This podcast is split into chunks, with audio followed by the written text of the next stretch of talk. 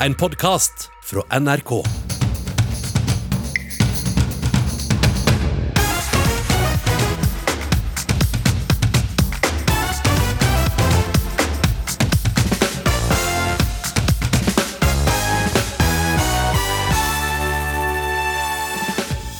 Jeg var i tvil om han var uskyldig, sier Viggo Kristiansens bror.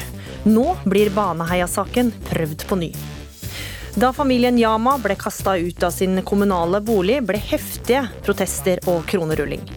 Enkeltskjebner i mediene får politikerne til å flykte fra egne vedtak, mener redaktør. Og partienes kappestrid om å tilby lavest fergepris minner om et eventyr. Det var en gang tre søsken som skulle prøve å vinne folket og halve kongeriket i det kommende stortingsvalget. Ja, det er lørdag, og det er ukeslutt, og velkommen skal du være. Jeg heter Gry Veiby. Isbading er blitt trendy, og det synes i sosiale medier. Jeg skjønner ikke at du gjør det! Litt seinere skal du få treffe komiker Sigrid Bonde Tusvik, som er en av dem som har oppdaga gleden ved iskaldt vann. Med velsignelse fra regjeringa har vi nå fått tommel opp til å reise på hytte og hotell i vinterferien, som for mange starta i går. Og mens mange har gjort seg klar til å reise, kanskje med håndsprit og munnbind i sekken, mat og snop fra hjemkommunen og kanskje til og med en negativ koronatest å vise til, så har også hyttekommunene gjort seg klare til eh, storinnrykk. Ja, noen har til og med hatt beredskapsøvelser for å takle eventuelle smitteutbrudd i ferien. Og Pål Rørby, du er ordfører i Hemsedal og er en av de kommunene som venter eh, mange vintergjester. Dere har tidligere gjennomført en fullskala beredskapsøvelse. Hvordan gikk den for seg? Ja, hei, ja det, det, gjorde vi, og det var, det var, utrolig interessant. Vi følte det at uh, vi har hatt lite smitte i Hemsedal uh, helt siden dette her oppsto. Men uh, vi ville forberede oss, spesielt da på jul, nyttår, vinterferie og påsketider, hvor vi kan i normal situasjon opptil tidoble innbyggerantallet vårt med gjester. Så vi samla rett og slett både hele uh, smittesporingsgruppa, kriseledelse, representanter fra næring på servering, hotell, afterski, taxi, dørvakter, ambulanse. Alle som kan bli berørt av en hendelse i en beredskapsøvelse hvor vi rett og slett uh, laget et rollespill og simulerte et utbrudd gradvis og satt sammen en hel dag og spilte dette gjennom. Hvordan skal vi agere? Nettopp for å avdekke huller uh, og kunne tette de, og også få en oppmerksomhet på hva vi kan bli bedre på. Mm, rett og slett et stort rollespill, og alle var involvert. Altså, hvordan var det følelsen denne øvelsen ga dere? Det blei veldig spesielt. For at uh, vår beredskapskoordinator eh, Pia her oppe, hun hadde laga et spill som gjorde at vi, vi, satt virkelig og kjente på alvorligheten i det, selv om vi uh, si, bare simulerte hele saken. Men det avdekka jo noen huller i hva vi hadde tenkt, og avdekka viktigheten av at hvert eneste ledd i denne kjeden er utrolig viktig hvis man skal klare å få kontroll hvis det skulle bli et utbrudd. Og blant annet så lærte dere at det er litt av en omstilling for servicenæringa. På hvilken måte da? Altså, Servicenæringa er jo innstilt på å yte god service. Være blide og hyggelige. Eh, mange for å si det rett ut, må jo ta litt dritt i jobben sin òg. Ikke alle gjester og kunder er like blide og fornøyde med enten oppholdet sitt eller maten eller annet. Men man er nærmest oppdratt til å smile og være hyggelige og behandle gjestene godt. Nå skulle jo mange av disse faktisk ut og være litt politi. Ja. Og passe på å oppfordre folk til å holde seg ved bordet. Forlater du bordet du sitter ved, så bruk munnbind. Registrer deg inn. Kanskje de må gjenta oppfordringen flere ganger. Og det tror jeg var litt vanskelig i begynnelsen, og strider litt imot det som ligger i ryggmargen til mange innenfor servicenæringa. Mm. Et slags politi med et smil på lur, kanskje. Men eh, ble dere ikke litt skremt da? Altså, dere ikke, tenkte dere ikke nå at oi, dette her kan jo faktisk skje? Jeg, jeg, tenker at ikke skremt. Vi ble overraska over hvor um, ekte hele situasjonen ble for oss når vi gjorde denne beredskapsøvelsen. Og Det tror jeg var viktig, for alle var mer på alerten i kjølvannet av det. Og det skal man være i disse dager. Vi slipper ikke ned skuldrene våre, både med tanke på egen lokalbefolkning, men også på alle som kommer hit nå, og som har en velfortjent ferie borte kanskje fra byen. Her oppe er det fantastiske snøforhold, mm. og vi unner alle å komme opp hit og få litt pause fra smittepress og restriksjoner, og kunne komme på hytte eller på fritidsenheter her oppe og være sammen med familien sin og, og nyte fjellet. Det, det, unner vi alle, og da følte vi at det er vår plikt i å hvert fall kunne gjøre det så trygt som overhodet mulig. Vi må trene og være godt forberedt. Hmm. Er dette her en beredskapsøvelse du anbefaler alle kommuner, eller? Ja, absolutt. Um, og vi har i Hemsedal så har vi sagt det at alle kommer til å gjøre en feil en eller annen gang. Det viktige da det er at vi har takhøyde for å innrømme at vi har gjort feilen. Kommunene skal ikke komme med pekefingeren. Vi skal prøve å påpeke og jobbe sammen, sånn at man er ærlig på at her gikk ikke ting helt som planlagt. Hvordan kan vi gjøre det bedre neste gang? Mm. Og Når man har den innstillingen, man har øvd sammen, og eh, alle er helt klare på at det er denne retningen vi skal gå, da går man i takt, og så blir man et team som jobber sammen på alle måter. Så det har veldig mange gode ting for seg. å ta en sånn øvelse. Lag en situasjon. Ønsker de å få simulere en lignende situasjon som vi har gjort, så ta kontakt med oss, så skal dere få hele oppsettet vårt. Jeg vet Trysil har gjort noe av det samme, så bare ta kontakt. Dette, dette er til alles beste. En invitasjon der altså. Pål Rørby, ordfører i Hemsedal, takk for at du var med. Får vi krysse fingrene for at dere ikke får noe smitte. Eh, det er jo ikke alle som blir i eh, Norge i vinterferien. Vi har snakka med Kåre Øverås, som dro til Spania for eh, ei uke siden. Og til tross for innstendige oppfordringer fra regjeringa om ikke å reise til utlandet, så dro du likevel. Hvorfor det? Det er hovedsakelig pga. helsemessige årsaker. Kulde det tærer fælt på helse og kroppen. Men så er det mange som blir provosert over dere som bryter reiserådene. Man kaller det egoisme. Hva vil du si til dem som mener det? Nei, Når jeg ser hvordan eh, folk fra storbyer reiser opp eh, på hyttene i små distrikter, så syns jeg ikke det er noe verre å reise til Spania enn å reise opp til små, små bygder. Hva slags reaksjoner har du fått da på at du har reist? Eh, jeg har ikke fått noen negative reaksjoner av, de, av mine venner. Hva tenker du om at du utsetter deg for mer smitte da, ved å reise til Spania? Jeg syns ikke jeg utsetter meg for noe mer smitte her enn om jeg hadde reist eh, inn til byene, de større byene i Norge. Men du må jo fly, da? Ja, men eh, på fly er det vel et av de tryggeste stedene å være. Eh, der skiftes lufta ut hvert tredje minutt, så jeg føler at det er veldig trygt. Og så må du jo bruke masker hele tiden på fly. Hva syns du da om eh, regjeringas oppfordring om å ikke reise til utlandet? Jeg syns det er positivt, for da er det bedre plass til oss som reiser. Eh, du er nå i Spania. Hvor lenge skal du bli? Jeg regner med å bli til begynnelsen av mai. Eh, jeg er ikke sånn som hadde reist på kort ukesferie ned. Det hadde jeg ikke gjort. Er det mange nordmenn sammen med deg der nede? Du, jeg har ikke truffet noen. Eh, jeg har hørt et par norske stemmer, men eh, det er alt. Takk eh, for den praten, Kåre Øverås. Det ble anslått at 168 000 nordmenn hadde planer om å reise til utlandet i vinterferien, ifølge en undersøkelse. Så får vel tiden vise hvorvidt det stemte. Jeg kommer aldri til å innrømme noe som jeg ikke har gjort. Her hørte du drapsdømte Viggo Kristiansen fra dokumentaren 'Baneheia kampen om sannheten' på strømmetjenesten Discovery Pluss. Kristiansen har i over 20 år insistert på at han ikke er skyldig i voldtekt og drap på åtte år gamle Stine Sofie Sørstrønnen og tiårige Lena Sløgedal Paulsen i 2000. Denne uka avgjorde gjenopptakelses, eh, gjenopptakelseskommisjonen under dissens at han skal få prøve saken sin igjen. Og Trond Kristiansen, du er broren til eh, Viggo Kristiansen. Hvordan reagerte du da du fikk eh, høre at eh, Viggo nå får gjenopptatt saken?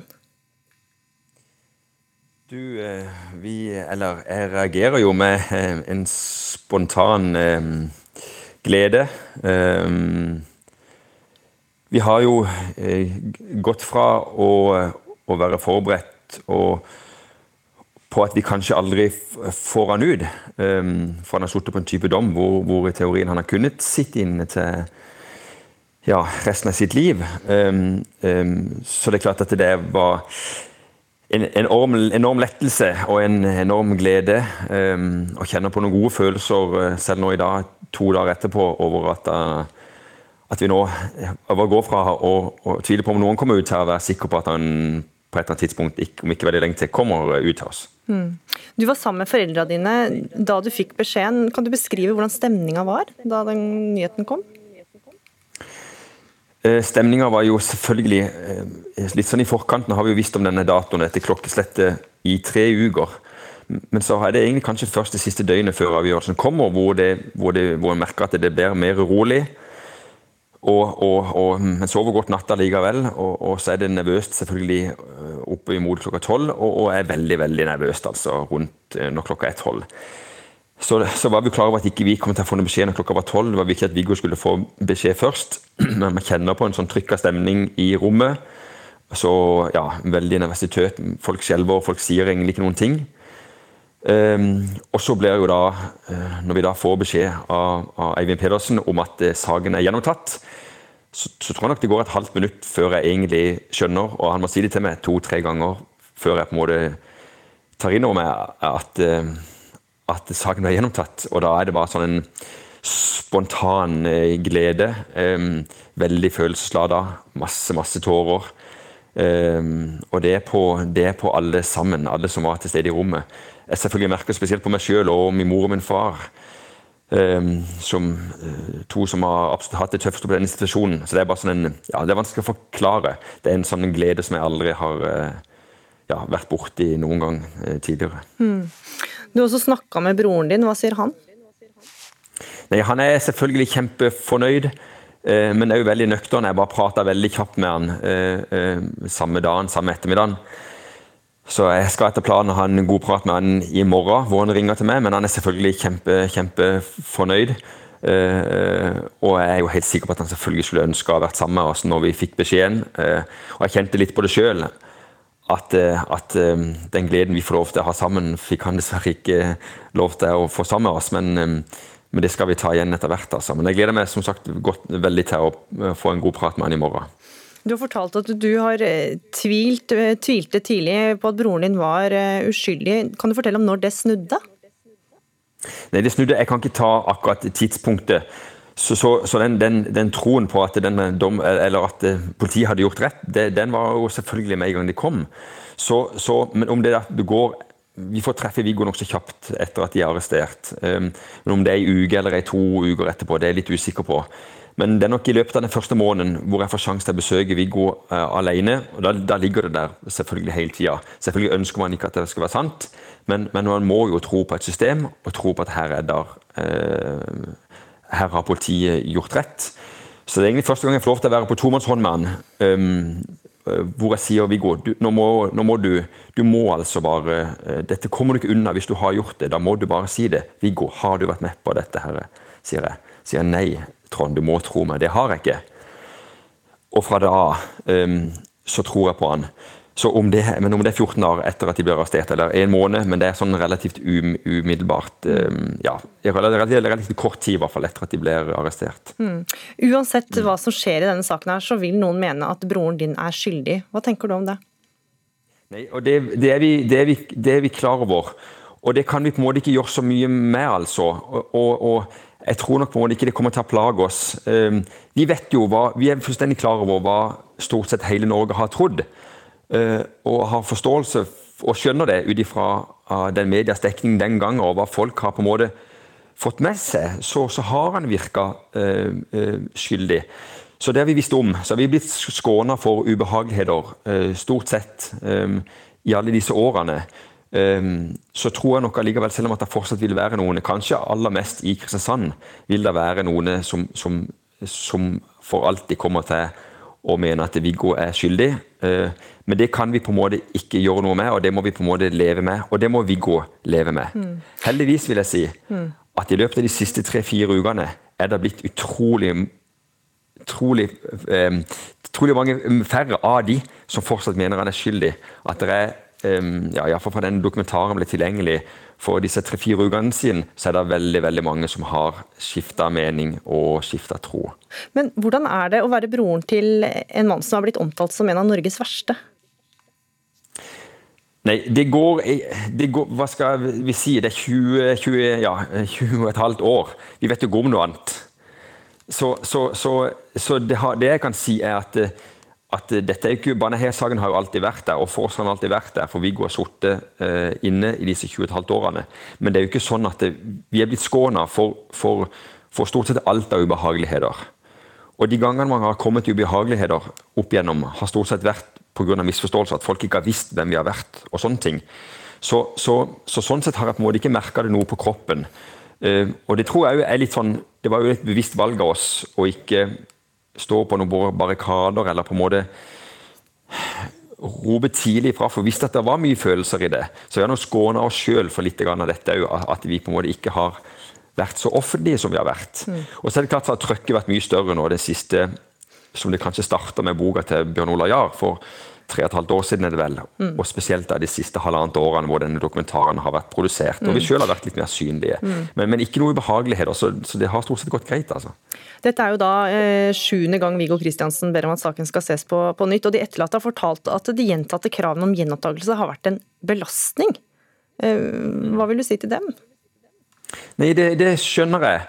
Eh, at det har vært en belastning, og hele saken er en belastning. Og at de nå føler at eh, at de føler at de på en måte aldri blir ferdig med det. Ehm, så vil jeg si at Vi har jo aldri gjort dette for at vi syns dette er noe gøy, eller for å være stygge med noen, eller på en måte for å disrespektere noen. Vi har utrolig stor forståelse for, for at de aldri får jentene tilbake, og at de aldri føler at de får noe ro. Ehm, men så ønsker vi òg å, å, å, be om forståelse for at vi må gjøre det vi føler er rett, når vi har så stor tro på at det er gjort en urett så har vi måttet stå på for det beste vi kan for Viggo, og støtte de som på en måte har gjort den aller største jobben for, for, for Viggo. Mm. Så ja, det er litt sånn vi tenker. Trond Kristiansen, broren altså til Viggo Kristiansen, takk for at du var med i Ukeslutt. Jeg er veldig glad i partiet. Alle menneskene der som har gitt meg utrolig mye gjennom et langt liv i politikken. Men det har gått utover den aller viktigste familien og mine nærmeste venner. De har alltid vært der for meg, og nå vil jeg være mer der for dem. Etter 15 år med ledertrøya på, skiller Siv Jensen lag med Fremskrittspartiet. Det fortalte hun om på en hasteinnkalt pressekonferanse denne uka. Et langt liv i politikken har fått ukesluttsreporter Philip Johannesborg til å grave i arkivet. Jeg har i dag varslet eh, nominasjonskomiteen i Oslo Fremskrittsparti om at jeg ikke ønsker gjenvalg til Stortinget. Denne uken sa Siv Jensen at nok var nok. FrPs partileder vil vie mer av tiden sin til familien og seg selv.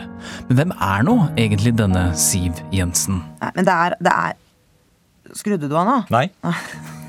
Mellom lisser og skosåler, tilbud og etterspørsel vokste Siv Jensen opp i foreldrenes skobutikk. Den befant seg midt i det trafikkerte Majorstuekrysset i Oslo, samme sted som NRKs utegående reportere har befunnet seg for å høre hva folk har å si om forskjellige saker. De uh, slipper altfor billig, etter min mening.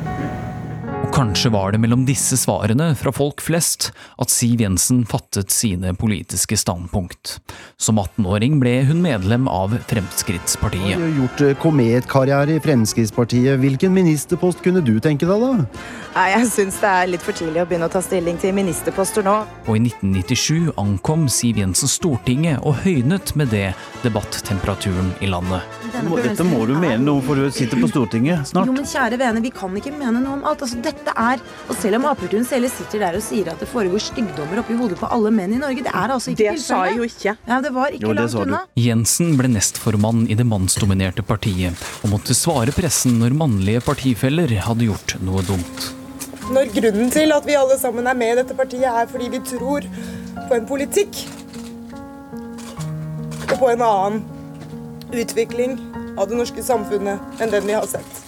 Men 2. mai 2006 det ble en merkedag både for henne og partiet. Så overlater jeg deg også makten, æren og belastningen ved å være sjef for hele Tusen, tusen, tusen takk.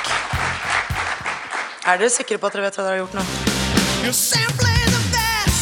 Siv Jensen ble den første kvinnelige lederen av Frp, og hun var også den første til å ta partiet inn i regjering og ut igjen. Det fikk begeret til å renne over. Selv om Frp har hatt sju justisministre, så har de kun hatt én finansminister. En veldig tydelig, klartenkt, men også en, en veldig flink eh, kvinnelig politiker fra norsk politikk. Og kort sagt, Stemmen hennes har blitt lagt merke til. En av de tingene dere har vært opptatt av hos meg, har vært stemmeleie, og det har dere også brukt en del tid på.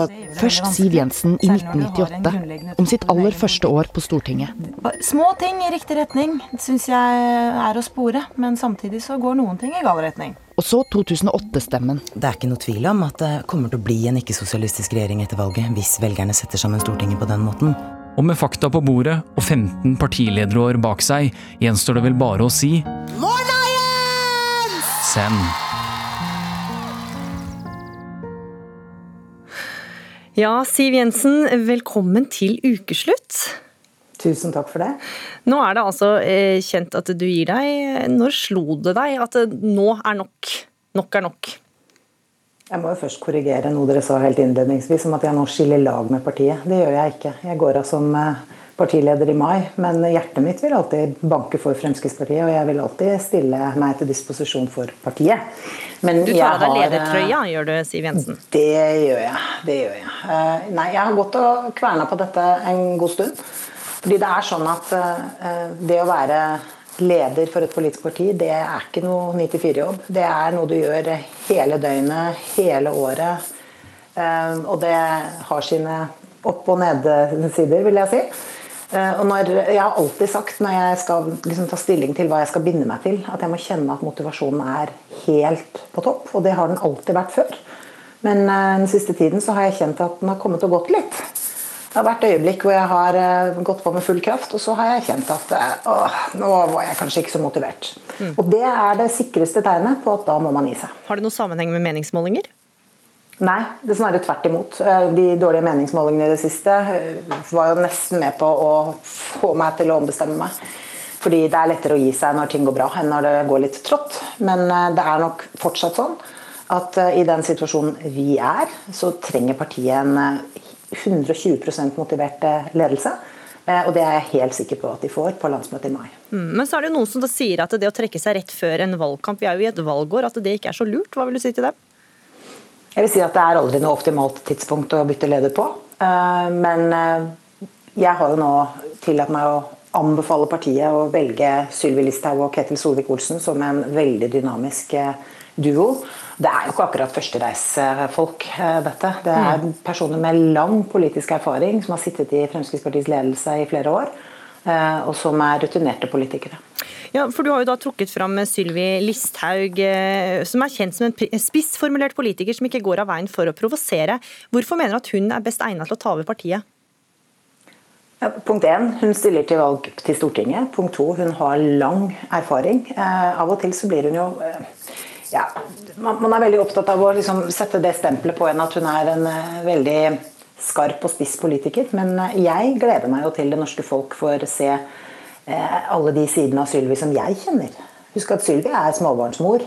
Hun er opptatt av barns oppvekstvilkår. Hun er opptatt av de nære, varme ting. Hun er veldig opptatt av eldre. Hun er opptatt av folk som har sykdommer og sitter med fortvilelse over at ikke de får tilgang på medisiner som er tilgjengelig, men som ikke gjøres tilgjengelig gratis for dem her i Norge. Eh, hun er opptatt av næringspolitikk. Eh, Sylvi er en varm person som eh, på akkurat samme måte som meg da jeg var oppadstormende, holdt jeg på å fremadstormende, så var det veldig mange som hadde sterke meninger om meg også. Så utvikler man seg over tid. Mm. Du skal ha mer tid med familie og venner, sa du. Mer tid til deg selv. Og også mer tid til å være valpemor. På valentinsdagen så la du ut et bilde av deg selv med en valp. Hva heter hunden din? Du, har ikke fått den ennå.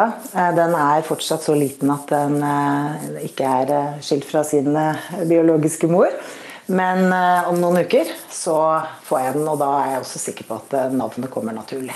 Vi har jo hørt mye om hundeeiere. altså Mange blir jo hundeeiere i denne koronatida. Vi har hørt om mange som ikke er så flinke til å veloppdragne De får ikke veloppdragne hunder. altså I går kunne vi lese i A-magasinet om en uoppdragen hund som bjeffa og gneldra. De orka ikke å ha besøk engang fordi den hunden var så motbydelig. Hva tror du, blir din hund en bølle eller en bestevenn? Den skal være bestevenn. Og den skal bli godt oppdratt. Jeg har hatt hund før, men jeg har ikke kunnet ha det de siste eh, årene av mitt liv. Rett og slett fordi det ville vært eh, nær dyremishandling, mener jeg. Eh, når man påtar seg jobben med å ha en hund, så skal man ta godt vare på den. Den skal ha masse mosjon, den skal ha kos, den skal ha pleie, den skal ha mat. Og nå ser jeg at nå har jeg tid og kapasitet til å få meg en hund igjen, og gleder meg veldig til det. Altså. Da er det bare å ønske deg lykke til eh, med det, Siv Jensen. Eh, vi hører deg nok igjen snart, for du gir deg ikke med eh, før i mai. Takk for Nei, at du... Jeg er ikke kvitt meg enda. Takk for at du var med i Ukeslutt. Denne uka ble familien Yama kasta ut av den kommunale boligen de har bodd i, og det har fått mye oppmerksomhet. Om litt skal vi debattere om slike enkelthistorier i media får politikerne til å flykte fra egne vedtak. Men først skal vi høre med en som har det som jobb å få folk kasta ut når de ikke vil eh, flytte frivillig. Og det er deg, det er Lina Maria Linge. Du er jurist og namsfullmektig ved namsfogden i Oslo, Asker og Bærum. Ta oss med når du banker på en dør for å kaste noen ut. Ja, jeg tenker jo at det er litt viktig å si at før vi i det hele tatt kommer på døren, så har vi varslet leietaker to ganger. Og vi har varslet sosialtjenesten om at en person i deres bydel eller kommune står i fare for å miste boligen sin. Og vi har gått gjennom saken to ganger, som regel med en jurist, for å se til at alle vilkår for å gjennomføre en utkastelse er oppfylt. Vi har besvart eventuelle innsigelser og henvendelser som har kommet inn. Så når vi står på døren, så er vi to stykker som møter fra namsmannen, som regel minimum med en jurist. Vi har med en låsesmed, og så pålegger vi utleier å ha med en representant. Så totalt så er vi fire personer som møter på en vanlig utkastelse. Og Da tar vi kontakt med leietager og informerer om at vi eh, skal gjennomføre en utkastelse.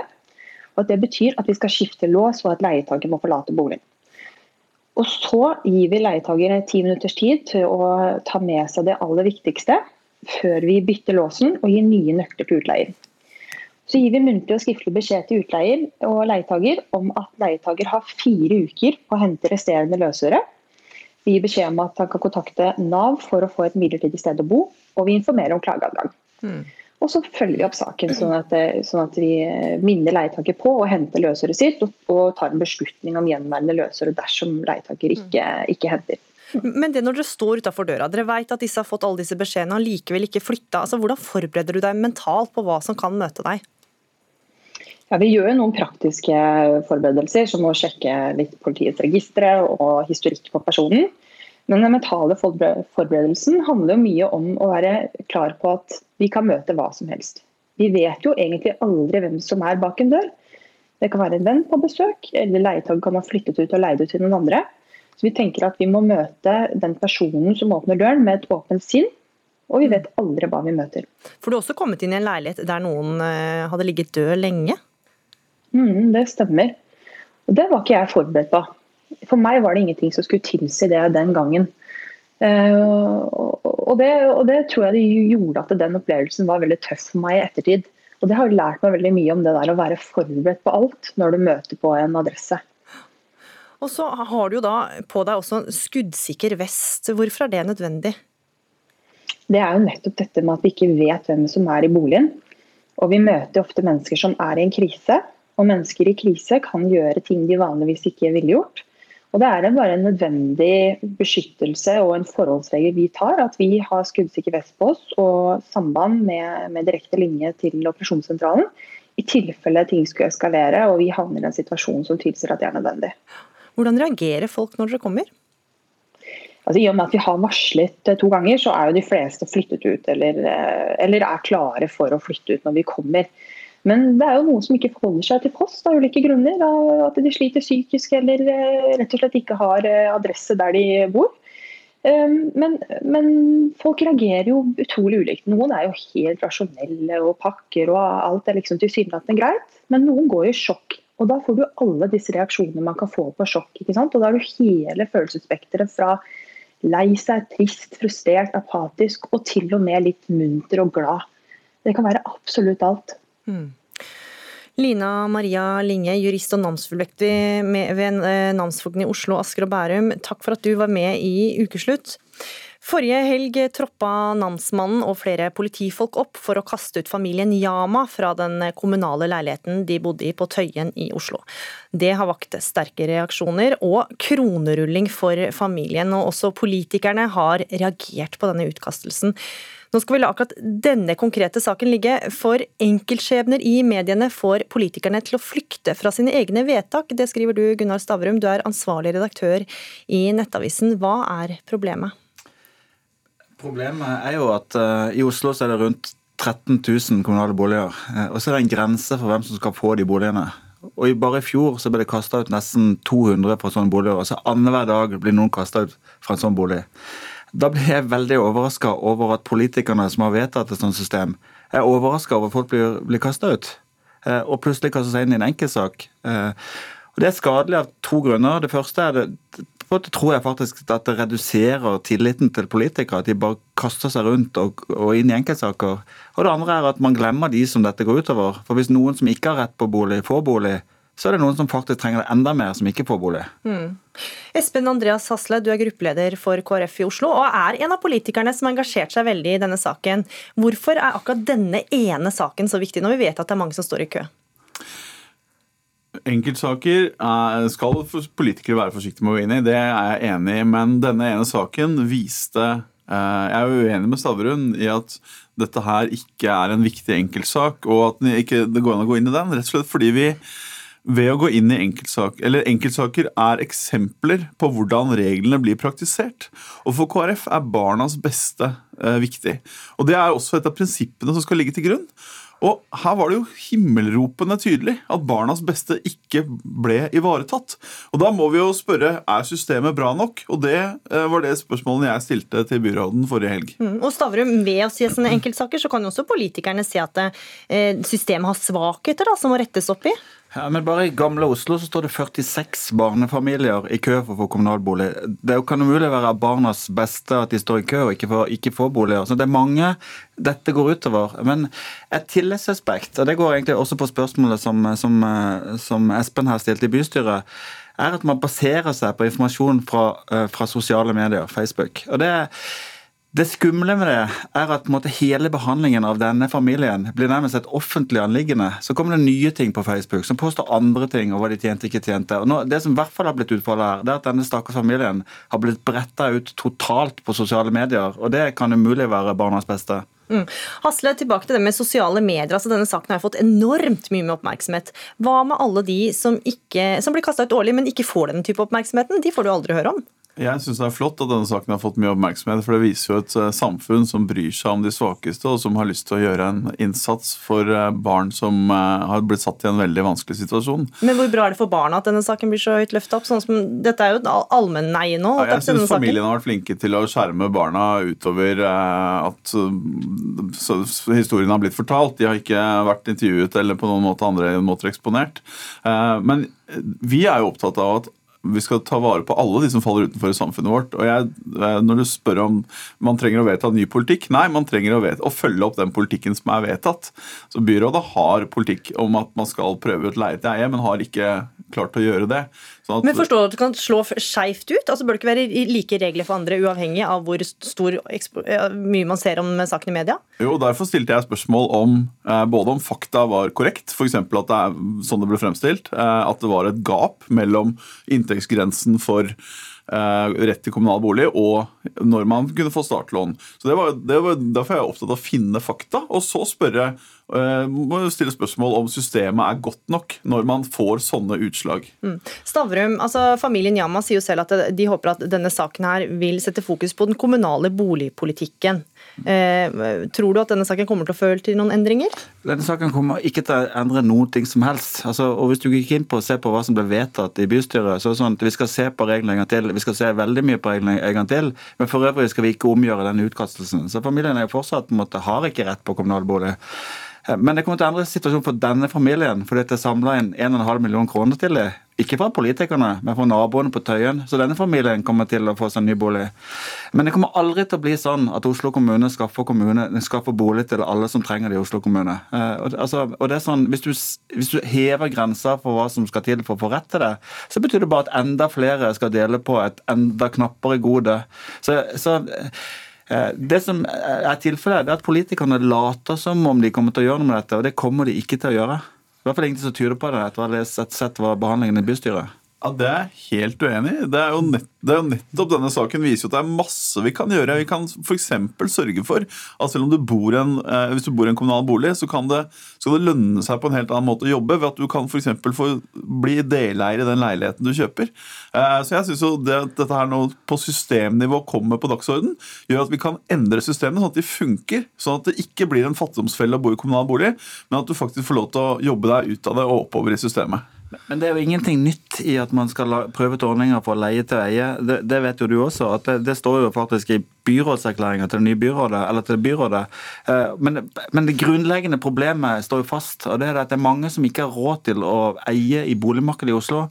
Og Når du sier at du syns det er litt pussig at du kan være for rik til å ha rett til privat til kommunal bolig, men for fattig til til å få startlån, så tenker jeg velkommen til Oslos boligmarked. Alle som leier i Oslo, er i situasjonen at de har råd til å leie, men de får ikke lån. Og hvem har vedtatt reglene som begrenser lån? Politikerne. Kommer de til å bli forandra? Nei. Jo, Det er jo det denne saken viser, sånn at vi må se på det. Det er jo det som er poenget. Og det som eh, Onsdag kveld så ble det klart at bystyret i Oslo opprettholder vedtaket om å kaste ut eh, familien. Det skriver VG, men de får vurdert lånsøknaden på nytt. Ifølge Avisa Oslo og sosialbyråd i Oslo, eh, Rina Mariann Hansen fra Arbeiderpartiet, sier regelverket skal gjennomgås. Da skal jeg takke av dere, Gunnar Stavrum og Espen Andreas eh, Hasle, for vi skal få inn eh, familiens eh, advokat, Olav Legreid. Velkommen hit til ukeslutt. Du skal få lov til å sette deg her. Vi kan ikke ha så mange gjester i studio pga. en viss pandemi. Du er eh, altså familien Yamas talsperson, eh, advokat Olav Legreid. eh, Og som vi hører, altså, familien har jo gjennom sosiale medier og også media klart å få stor oppmerksomhet om sin sak. Hvorfor holder det ikke at saken deres behandles i systemet på vanlig måte? Ja, Denne familien har ikke bedt om noe annet enn det. Det er blitt sagt at denne familien har krevd særbehandling osv. Nei, de har ikke bedt om noen særbehandling. Alt de har bedt om er at denne saken skal behandles i henhold til korrekt juss og med korrekt faktum. Det har ikke skjedd i Oslo kommune i denne saken. Men de visste jo, eh, de ble varsla allerede for et år siden at de måtte flytte. så har de, Hvilket ansvar har de selv da, for å ikke havne i den situasjonen her? Denne familien har ikke hatt noe alternativ. Eh, De er vanskeligstilte i boligmarkedet. De har ikke hatt mulighet til å skaffe seg noen annen bolig. Hva har de gjort for å finne seg et annet sted å bo? da? De har forholdt seg til kommunen, og kommunen har plikt til å sørge for at vanskeligstilte får bolig. Men har de vurdert å flytte ut av eh, området de bor i, f.eks., som har ganske høye boligpriser? Det har de eh, meg bekjent ikke gjort. Men de har også mindreårige barn som går på skole der, og skolen fraråder jo sterkt at denne familien må flytte fra nærområdet. Hmm. Hva sier de selv til eh, at de får så mye oppmerksomhet? Ja, de synes jo ikke det er særlig behagelig å bli brettet ut på den måten som de har blitt. Hmm. Hvor står saken nå?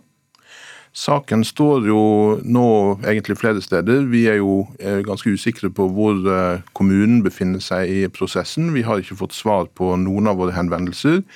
Eh, Vi har henvendt oss både til bydelen og til det kommunale foretaket som heter Boligbygg Oslo KF.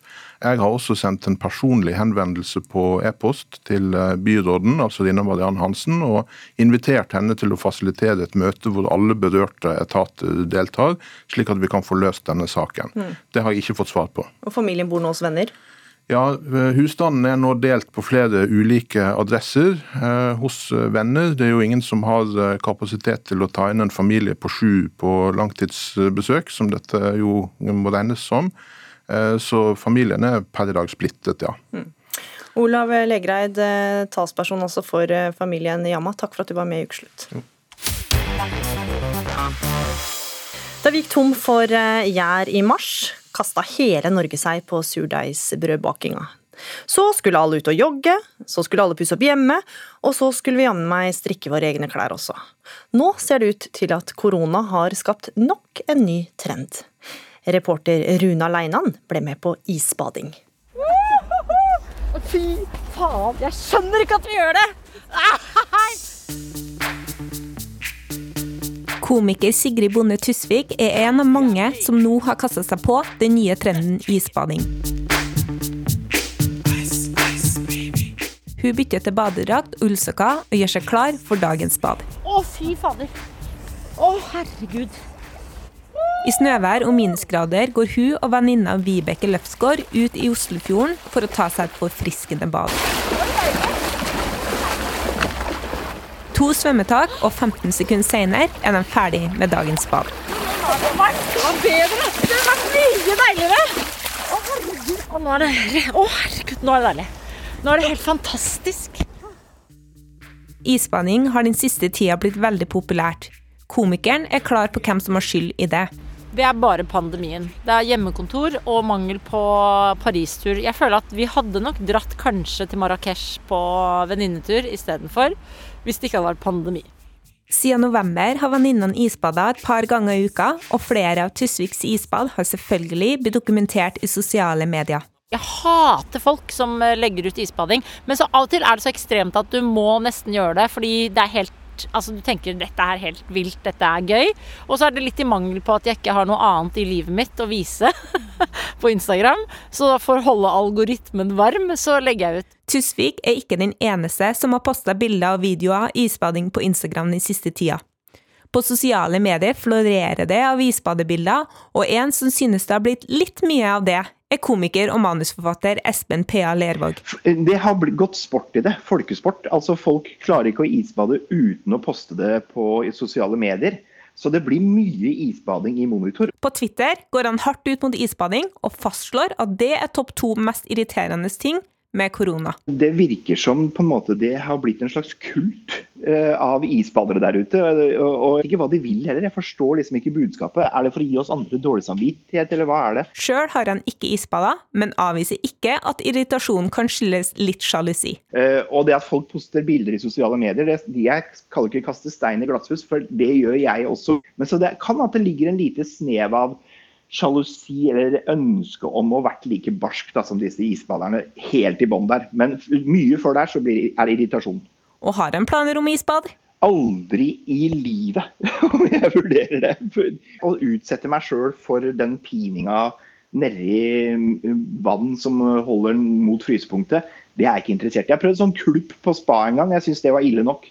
Så jeg, jeg, kommer nok ikke til å bli noe isbader. Og så har jeg hørt du kan få hjerteinfarkt, og det er jeg ikke keen på det heller. Anders Hovland er hjertespesialist ved sykehuset i Bodø. Han sier at så lenge Lervåg ikke har noen hjertesykdommer, så skal ikke isbading være særlig farlig. Vanlige folk som ikke har noe hjertesykdom, så er det jo mange rapporter fra de som driver med det, at det er, er gunstig for mange ting. da. Og det er vel ikke så vidt jeg vet, så veldig mange rapporter på at det er uh, farlig for folk som, som, ikke er syke fra før av. Men han har likevel et råd til folk som vil bade i isvann. Generelt råd kan vel være at sånn à la fjellvettregler, at det er um, fornuftig at man ikke går alene, eller at man isbader alene. Ei som til stadighet isbader, er Monica Rongve. Hun holder kurs i isbading og gir noen enkle tips til hvordan man på best mulig måte kan nyte et forfriskende isbad. Hvis du gjør det for første gang, f.eks., så er det veldig bra å være så rolig som mulig. Og så er det veldig godt bra å ha fokus på utpusten. Bare puste rolig ut når du går ut. Og når du kommer opp av vannet, så vil du kjenne liksom en sånn energi i kroppen. Du vil kjenne det mer levende. Isbadeeksperten har tro på at isbading ikke bare er et koronafenomen, men at det har kommet for å bli. Jeg tror En av grunnene til at dette her har blitt trend, en trend nå, er jo fordi at det er kanskje noe med urinstinktet vårt da, som har våkna mer til liv. Det er, det er, liksom noe med å kunne gå litt ut av komfortsona si, for det trenger vi av og til for å vekke litt liv i kroppen vår. Men nå kommer kulda. På Nordstrøm bad i Oslo prøver komiker Sigrid Bonde Tusvik og Vibeke Løfsgaard å få varmen tilbake i kroppen etter dagens isbad. Det er jo rushet etterpå. Det der, jeg sammenligner det med kokain. At, og jeg har aldri prøvd kokain. Det der etterpå så har du vært iskald, så bare kommer den varmen helt der. Det som er det beste. Er du ikke enig, Vibeke? Jeg er mer glad etterpå. Tusvik må avsløre at isbading har blitt hennes midtlivskrise. Før jeg da fikk denne klassiske 40-årskrisa, isbade-40-årskrisa, så hatet jeg folk som isbadet. Og jeg har jo en tante. Hatet i mange år at hun legger ut isbading. Nå liker jeg og støtter og er altså en, eh, en av de som jeg har hatet før. Selv om venninnene koser seg med en badetemperatur på et par grader her hjemme i Norge, så er de skråsikre på at det ikke blir noe mindre gøy å bade i Middelhavet igjen når anledninga vil by seg. Du kan ikke sammenligne isbading med bading. Det er helt ekstremt. Det er derfor man vil legge bilder ut av det på Instagram. Sånn at Espen blir sint og irritert. Det skulle være et sted der man kunne snakke med kjendiser som talkshow-dronninga Oprah eller Tesla-gründer Elon Musk, drøfte store samfunnsspørsmål med politikere og generelt snakke med folk man ellers aldri ville møtt. Men så kom gamlingene inn, og alt var ødelagt for sosiale medier-nettstedet Clubhouse. Dette skriver du selv, Moren. Du er debattansvarlig i Dagsavisen. Hvorfor har mediefolk i 40-åra, som du skriver, ødelagt dette nettstedets eh, framtid? Nei, det er en eller annen eh, et eller annet med at man hyper opp en app så mye fordi man selv liker den så godt, og man får et slags miljø som dominerer veldig. da. Når jeg har spurt venner på min alder, jeg er jo 24 år, mm. og, um, som er mye på sosiale medier ellers, så har de bare sagt ja, jeg har lest om den liksom, i media. Men de har ikke brukt den selv, da. Mens det er liksom mediefolk som har uh, virkelig liksom uh, omfavna den appen, og har liksom veldig mange diskusjoner som hva betyr perspektivmeldinga for noe, eller liksom Og syns det er veldig stas hvis, hvis, en eller annen statsråd kommer innom. Mens jeg tror liksom ikke at det, de store samfunnsgruppene kommer til å liksom digge det like mye, da. Fordi det blir en veldig sånn Altså En app blir jo det man gjør det til, og nå har det blitt veldig sånn en evigvarende Arendalsuka eller Dagsnytt 18-sending, på en måte, som jeg tror at det er litt sånn smal interesse for sånn egentlig, i realiteten. Mm, og man ser, Alle vet jo hva som skjedde med Facebook da foreldrene, foreldregenerasjonen kom inn. Vi forsvant. Mm, vi forsvant. gidder ikke å være på Facebook når pappa kan kommentere. Gøran eh, Gamman, du er partner i Digital kompetanse og er en av dem som hyller Clubhouse. Du er 42 eh, år, og hva tenker du om signaleffekten av din varme omfavnelse? Nei, jeg tenker jo Selma har jo rett. Eh, det er typisk oss å, å ødelegge ting. Eh, men så vil jeg jo legge til at bildet er litt mer nyansert. Altså, det, det er jo alt, alt mulig på Clubhouse, og jeg har snakka med dissidenter i Russland og Kina, og eh, snakka med aktivister bak den arabiske vår, og eh, mine gode venner i Rwanda, og jeg, jeg føler jeg føler Clubhouse gir en helt ny følelse og Eh, helt nye muligheter vi ikke har hatt tidligere. Ja, for Du skriver rett og slett at dette er en revolusjon som kan endre verden, eh, skriver du i VG. Ja, og det er selvfølgelig for tidlig å si, men, men jeg, jeg, føler det. Og etter å ha brukt det nå en stund, så troen er styrka. Ja, Vi skal høre hvordan et møte med de spesielt inviterte er, for at, høres ut, for at man må faktisk ha en invitasjon for å bli med. La oss høre her. Jeg vil bare reise resette om litt. Eh, tusen, tusen takk til alle som har kommet. Eh, det er jo helt fantastisk. Jeg ser at Philip og Mia har venta litt på å snakke. Philip, er du der? Mayday, mayday. I'm here, I'm here. Vi lander på Mars. Ja, Gøran Gamman, det er du som har tatt opp dette her. og For dem som allerede nå føler at de tilbringer nok tid i digitale møter, hva er det som er så flott med dette? Nei, det er liksom vanskelig å definere sånn helt konkret i ord, men eh, strømmen av folk har jo vært jevn og økende. Og jeg tror det er liksom litt av sjarmen å kunne prate sammen uten å måtte liksom pynte seg for kamera, eller eh, at det er en eh, Fredrik Solvang som gir det liksom ordet. At, at man kan styre ting sjøl. Jeg tror det er det som er litt av appellen. Mm, ja, Selma Moren, det er jo flat struktur, og du kan snakke med dissidenter fra helt andre land. Ja, ja. Eh, og det, det, er selvfølgelig mange kule muligheter med Clubhouse. Det, det ser jeg jo. Men jeg tror bare at eh, det ikke er alle som er like interessert i å snakke med dissidenter. At det, at det, blir litt sånn, som du sier da, vi har mye Teams-møter om dagen. Mye sånn vi skal sitte og høre på andre prate. Og jeg har blitt invitert til liksom paneldebatter klokka sju, og det er liksom det siste jeg kjenner at jeg har lyst til å gjøre. Så det er jo en av grunnene til at jeg liksom hadde litt lyst oppi all hyllest til å si sånn Er dette egentlig så kult for alle, da? Mm. For jeg tror jo at det veldig mange trenger nå, er jo liksom det å prate sammen og sånn, og få nye venner og bli kjent med nye mennesker. Og det, det syns jeg liksom, når jeg, når jeg leste om Clubhouse, så tenkte jeg å, kult, da kan man ha liksom sosiale rom. Men så blir jeg liksom invitert til sånn derre Er det for mye alkohol i hver gang vi møtes? Og så blir jeg bare sånn Men jeg er ikke så interessert i å sitte og diskutere, liksom. Jeg vil heller liksom bli kjent med Ronny fra Bergen, eller så, så, det jeg kanskje tror og mistenker, er at hvis min generasjon eller yngre generasjoner kommer inn på Clubhouse, at vi kanskje ødelegger for mediefolka i 40-årene igjen. da. For dere vil ikke ha den type samtaler der inne? Det, altså, det er jo veldig generaliserende å si. Da. Det kan godt hende at en 17-åring har lyst til det. liksom. Mm. Folk er forskjellige. Men jeg tror at hvis Clubhouse skal eh, etablere seg som et veldig viktig sosiale medium, f.eks på linje med Instagram, da, så må man få inn flere samfunnsgrupper der inne. Man kan ikke bare ha folk som eh, ja, den typiske gruppa som, som, liker å diskutere mediepolitikk eller sånne ting, da, fordi det blir for snevert. Mm. Ja, Gamman, hva sier du til det? Hvordan skal du få favne flere grupper her? Nei, man, man må jo gå inn og lage de gruppene selv, da. Og jeg har sett eh, mange yngre som lager kule grupper som, som ikke er interessert i å gå inn og høre på. Så jeg tror det er noe for alle inne på Clubhouse. Men vi, vi, får se hvordan tida utvikler Clubhouse. Mm. Det er jo da et nettsted som du også må eh, få invitasjon for å bli med på. Så eh, Gamman, altså, hvor inkluderende er det da? Altså, du som kaller dette her liksom eh, er en eh, revolusjon sant, som kan endre verden. når det, Folk flest har jo ikke fått invitasjon. Nei, det er sant. Uh, og det, det, er jo fremdeles en beta-versjon. på en måte. De, de, holder på å teste det ut, og det skal rulles ut til alle plattformer nå om et par måneder. Jeg har mm. faktisk snakka med utviklerne i et rom i Clubhouse, så de, de prøver å oppdatere og, og, og, fortelle hva som skjer. Og så sies det jo også at uh, for å delta på plattformen, så må man uh, Invitasjoner selges også på svartebørsen. Og det fikk du oppleve, Gøran Gamman. Hvor vanskelig det var å få innpass? Du måtte faktisk slite for å få en invitasjon? Ja, da fikk jeg merke at ikke var så kul som jeg trodde, da. Jeg måtte faktisk ut på noen rare Reddit-forum for å finne en invitasjon. Jeg betalte 20 euro for å komme inn. Ja, hva sier du til det, eh, Selma Moren? Er dette kulhetstegn? Å kjøpe en invitasjon på Reddit, kanskje ikke. Eh, jeg tror mange liksom, eh, har jo skrytt litt av invitasjonen sin indirekte liksom på Twitter eller Facebook. sånn, ja, jeg ble invitert da, Og det ler jeg litt av, da, for det er litt sånn der herligheten. Men det eksklusivitetsgreiene er jo en måte å få folk inn på en plattform på. Og det at man har fått liksom, folk med kredibilitet der inne også, gjør at folk har lyst til å det vekker den der FOMO-følelsen i oss. da, altså Fear, of missing, missing out. Mm. Ja, Så, som, men på vegne av alle oss som ikke har fått invitasjon, da, Selva Moren, hvor kule er vi? Um, jeg syns dere er kulere da, enn de som sitter og diskuterer utenrikspolitikk klokka sju. Uh, for å være helt ærlig.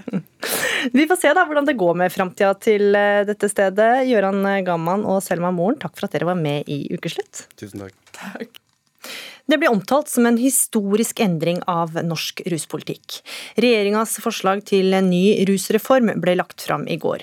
Der foreslår de at besittelse og bruk av mindre mengder narkotika skal avkriminaliseres, og at straff skal erstattes med hjelp.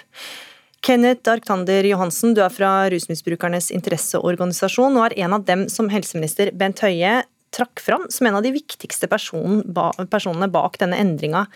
Hvorfor var gårsdagen eh, historisk, vil du si?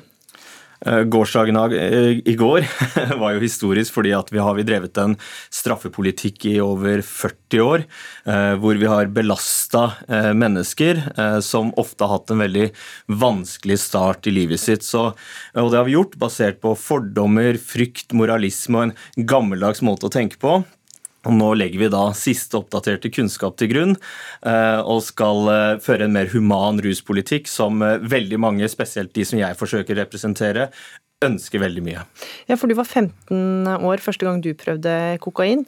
Og hvorfor er ikke straff rett måte å møte unge på, mener du? Vi må huske at uh, straff er eh, samfunnets sterkeste virkemiddel for å fordømme uønska handlinger hos borgerne. Det er et tiltenkt onde som er ment belastende, og som er svært stigmatiserende.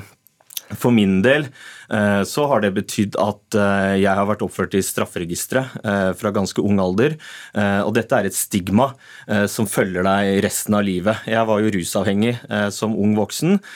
Brukte en liten stund på å komme ut av det.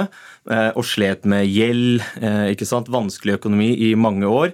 I tillegg til at i dag så har jeg en høyere utdanning, jeg holder på med en doktorgrad. Og, men det er mange jobber eh, i kommunen og andre steder som egentlig vil være ganske uaktuelle for meg, sjøl om jeg er skikka til det. Så jeg mener at vi kaster bort viktige ressurser gjennom å holde folk utafor arbeidslivet. da. Kristine Olsen Moss, du er generalsekretær i Norsk Narkotikapolitiforening. Hvorfor kan ikke dere stille dere bak regjeringas regjeringas forslag? Nei, eh, Vi mener at konsekvensene av dette forslaget eh, kan bli alvorlige for samfunnet. Vi er for en rusreform, eh, men vi er for en reform der vi klarer å redusere stigma for de som er tungt rusavhengige, uten at man avkriminaliserer bruk og besittelse for alle. Vi må klare å ta vare på de mest sårbare, de tyngste rusmisbrukerne, men òg beskytte barn og unge fra avhengighet. Mm. Eh, det aller viktigste for oss er å forhindre at ungdom får problemer med rus. og Vi frykter at konsekvensen av regjeringens forslag blir at flere blir rusavhengige, og at man gir kriminelle større spillerom. At man ikke får bedre forebygging og mer verdighet for dem. Men Hvorfor er det viktig med denne straffen, altså at det ikke avkriminaliseres, eh, Moss? Ja, Det er det som har på en måte fått et voldsomt fokus. da. Eh, altså Hovedfokuset i, overfor tungt rusavhengige og for mindreårige er jo ikke straff. Eh, det er derfor man over tid har utviklet alternativer til straff. og Samtidig har man jo også gitt eh, mindreårige et særlig vern eh, i forhold til at ikke de drar med seg sine feiltrinn videre på rullebladet sitt. Så man må på en måte klare å snakke om dette også på, altså snakke om straff ikke bare på individnivå, men også at hensynet til allmennprevensjon at det må få plass. Det at noe er straffbart, det gjør at de fleste avstår. Og så må vi klare å hjelpe de som får utfordringer på en veldig mye bedre måte enn eh, som Kenneth beskriver her. Da. Mm, der er det nok enig i at hjelpen er viktig. Men eh, Kenneth Arctander eh, Johansen, altså, besittelse og bruk av mindre mengder narkotika skal altså avkriminaliseres. Mm. Men vil ikke det på en måte virke som at samfunnet gir aksept for narkotika? Nei, På ingen måte. Eh, det er jo ikke snakk om noen legalisering her. Det er jo at man tar det ut av det strafferettslige og flytter det over i det sivilrettslige. Eh, og det vil jo fortsatt være forbudt. Eh, frykten, jeg forstår jo den. Man er jo redd for at dette vil føre til økt bruk, men som jeg nevnte, det er straff vi snakker om. Det er samfunnets sterkeste virkemiddel for å fordømme uønska handlinger hos borgerne. Det er et tiltenkt onde, og det er ment belastende. og Derfor så må det solid begrunnes. Nå har et rusreformutvalg hvor jeg satt, vi har sett på den forskninga som finnes, og det er en del forskning. Og det finnes ikke noe forskningsmessig belegg for å hevde at straffen fører til merkbart redusert bruk i befolkninga. Så at bevisbyrden ligger egentlig på eh, Moss og hennes like til å bevise da kunne dokumentere hvorfor straff har denne effekten på bruk i befolkningen. Og min påstand er at det greier hun ikke. Mm, ja, for Det er jo også noe som uh, tilhengerne av denne reformen trekker fram, at det er jo lite som viser at straff for uh, de som driver med narkotika virker. Hvorfor ikke prøve noe nytt? Altså, vi, som jeg sier, Hvis vi skal trekke dette ned på individnivå hele tiden, så blir det litt vanskelig, for dette er et veldig stort samfunnsspørsmål. Eh, Norge er et av de landene i verden hvor folk bruker minst narkotika. Og Det har vi fått til gjennom tydelig forbud og en restriktiv lovgivning og god forebygging. Og Det skal vi være stolte av, og det må vi bygge videre på. Så jeg tenker at Det å på en måte um, si at man ikke har lykkes, eller uh, en retning av at måte, Norge har gjort uh, en dårlig jobb i forhold til um, forebygging av narkotika, så er ikke vi enig i det. Ja, jeg bare ser ikke helt at jeg snakker på et individnivå. Eh, nå forsøker jeg egentlig å argumentere ut ifra det er systematiske reviews, det er metaanalyser, det er på en måte den forskningen som er gjort, og som er gjort i flere land, og som ikke viser at den avskrekkingsteorien egentlig som Moss snakker om, at den har noe særlig for seg. Det vi derimot vet, fordi det har kommet nyere forskning som viser at denne stemplingsteorien mm. den har ganske mye for seg at personer som gjerne i en ung alder blir straffa, selv med en ganske mild straff, har en større sannsynlighet for å utvikle en videre kriminell og antisosial atferd. For Forslaget nå er at man ikke skal få straff, men at man må eh, motta en eh, behandling. Eller så må man betale en bot. Men hva med disse unge gebyr, ja. hva, hva med disse unge som blir tatt med narkotika, som ikke selv opplever at de har et problem? Hvorfor skal de da, Hva vil de få ut av en eh, behandling på én time eller én sesjon? Nei, altså hvis, hvis barnet eller ungdommen ikke har et problem, eh, så vil det jo ikke være snakk om at de skal ha noen behandling heller. Eh, man skal jo ha en pliktig oppmøte hos en sånn rådgivende enhet, og det er jo da med fagpersoner. Og så vil man jo få et tilbud om kartlegging med sikte på oppfølging, behandling i led. Jeg er helt sikker på at den ungdommen som blir tatt for å bruke et eller annet illegalt rusmiddel, og som ikke har et problem, han vil i alle Som fall ikke selv oppfatter at eh, vedkommende ikke har noe problem. ja, Han vil i alle fall ikke ha noe igjen for det, altså disse alternative reaksjonene som Moss snakker om. Disse ruskontraktene, som egentlig er en form for tvangsbehandling, som Helsedirektoratet har definert som ikke kunnskapsbasert, men at man gir det under en straffetrussel. Og Dersom man har virkelig problemer og ikke greier å følge opp den ruskontrakten, så står man altså i fare for å få straff. Og Vi må se på hvem er det vi straffer. Det er, da, det er arbeiderklassens barn, det er ungdom fra Oslo øst, og det er ungdom som har foreldre med lavere utdanning, helt disproporsjonalt med tanke på andre typer ungdommer. Ja, Moss, hva sier du? Ja, du skal få Ja. svare. Um, I forhold til eh, Oslo øst Oslo vest-problematikken, så tenker jeg at de tallene viser jo nettopp at politiet ikke går etter brukere, men at politiets tilstedeværelse styres ut ifra annen alvorlig kriminalitet. Og Derfor er det jo viktig at vi utvikler en reform som også fanger opp og hjelper sårbare ungdommer som ikke kommer fra ressurssterke hjem. Og Sintef kom jo nylig med en rapport eh, for de som er opptatt av forskning, sånn som deg, Kenneth, at eh, kommunene melder om store utfordringer med at unge ikke ser at de har et problem, og at de bagatelliserer egen rusbruk. Og Det er derfor vi mener at det må være et ytre press og en tilpasset langvarig oppfølging. At det er det viktigste. og at at i helse er alt frivillig. Vi må ha anledning til å bruke det beste fra begge sider, sånn som vi har i dag. Og så må vi være med å utvikle det i en eh, enda sterkere retning. Og kjempe for at alle får lik oppfølging og bedre oppfølging, uavhengig av hvilken kommune man bor i. Ja, eh, Det man snakker om her, er jo at man skal, man skal bruke en tvangsbehandling. Eh, Jeg tenker at De ungdommene eller de barna som har problemer i den utstrakning at de har behov for tvang, da må det gjøres en helsefaglig vurdering, og så må man fattes et tvangsvedtak med hjemmel i det lovverket som finnes. Og så stiller en del krav til den tvangsbehandlinga. De kravene de oppfyller i alle fall ikke disse ruskontraktene som Moss tar til orde for her. da. Mm. Så får vi se hvordan det går med denne eh, rusreformen, for den skal jo behandles politisk. Kenneth Arkander Johansen, Rusmisbrukernes interesseorganisasjon, og Kristine Olsen Moss, generalsekretær i Norsk Narkotikapolitiforening, takk for at dere var med her i Ukeslutt. Det som så ut til å bli fristende varm svele, fisla ut i en kald skvett automatkaffe. For de som trodde det skulle bli billigere å ta ferge her til lands, må, nok forberede seg på å vente litt til. For det ble ingen enighet på Stortinget om å kutte i eh, fergeprisene i går ettermiddag, til tross for at partiene prøvde å overby hverandre. Stem på oss og få halv pris på ferja, sa Arbeiderpartiet. Dette skal være en permanent løsning. Så kom Fremskrittspartiet og sa stem på oss og få det gratis. Og Det handler jo om at denne ferga er en del av veien. Og i VG i dag så kan vi lese om et tredje forslag fra opposisjonen. Det kommer fra Senterpartiet. Og så må vi ha et fokus på å bedre tilbudet, ikke bare på pris. Nå fremmer vi forslag om å halvere prisene som en del av krisepakka. Kampen for å gjøre seg fergeflott for velgerne gir visse assosiasjoner til et eventyr. Og for å fortelle dette eventyret har jeg fått hjelp av Sveinung Oppegård fra eventyrpodkasten Snipp, snapp, snute. Takk, Gry. Hører du meg? Bra. Kom litt nærmere. Så starter vi!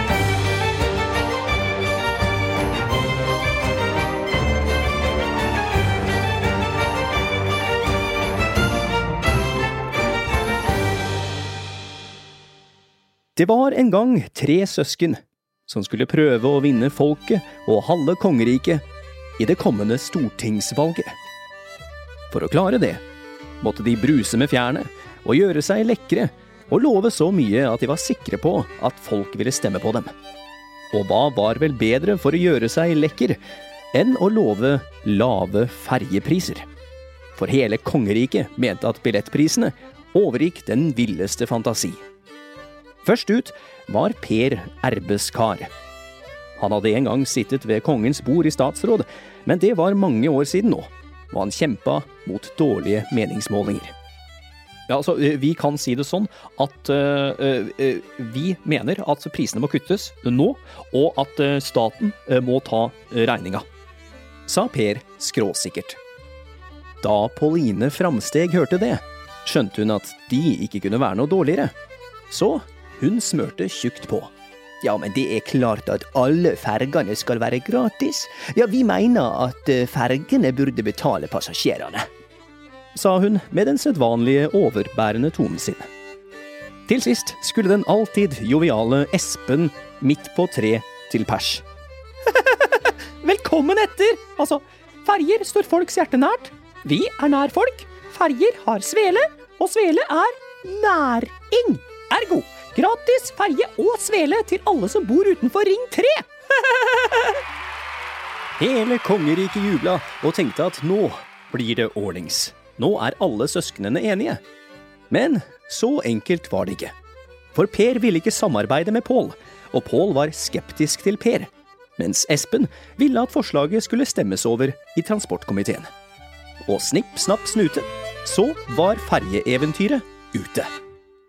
Helt fram til neste valg.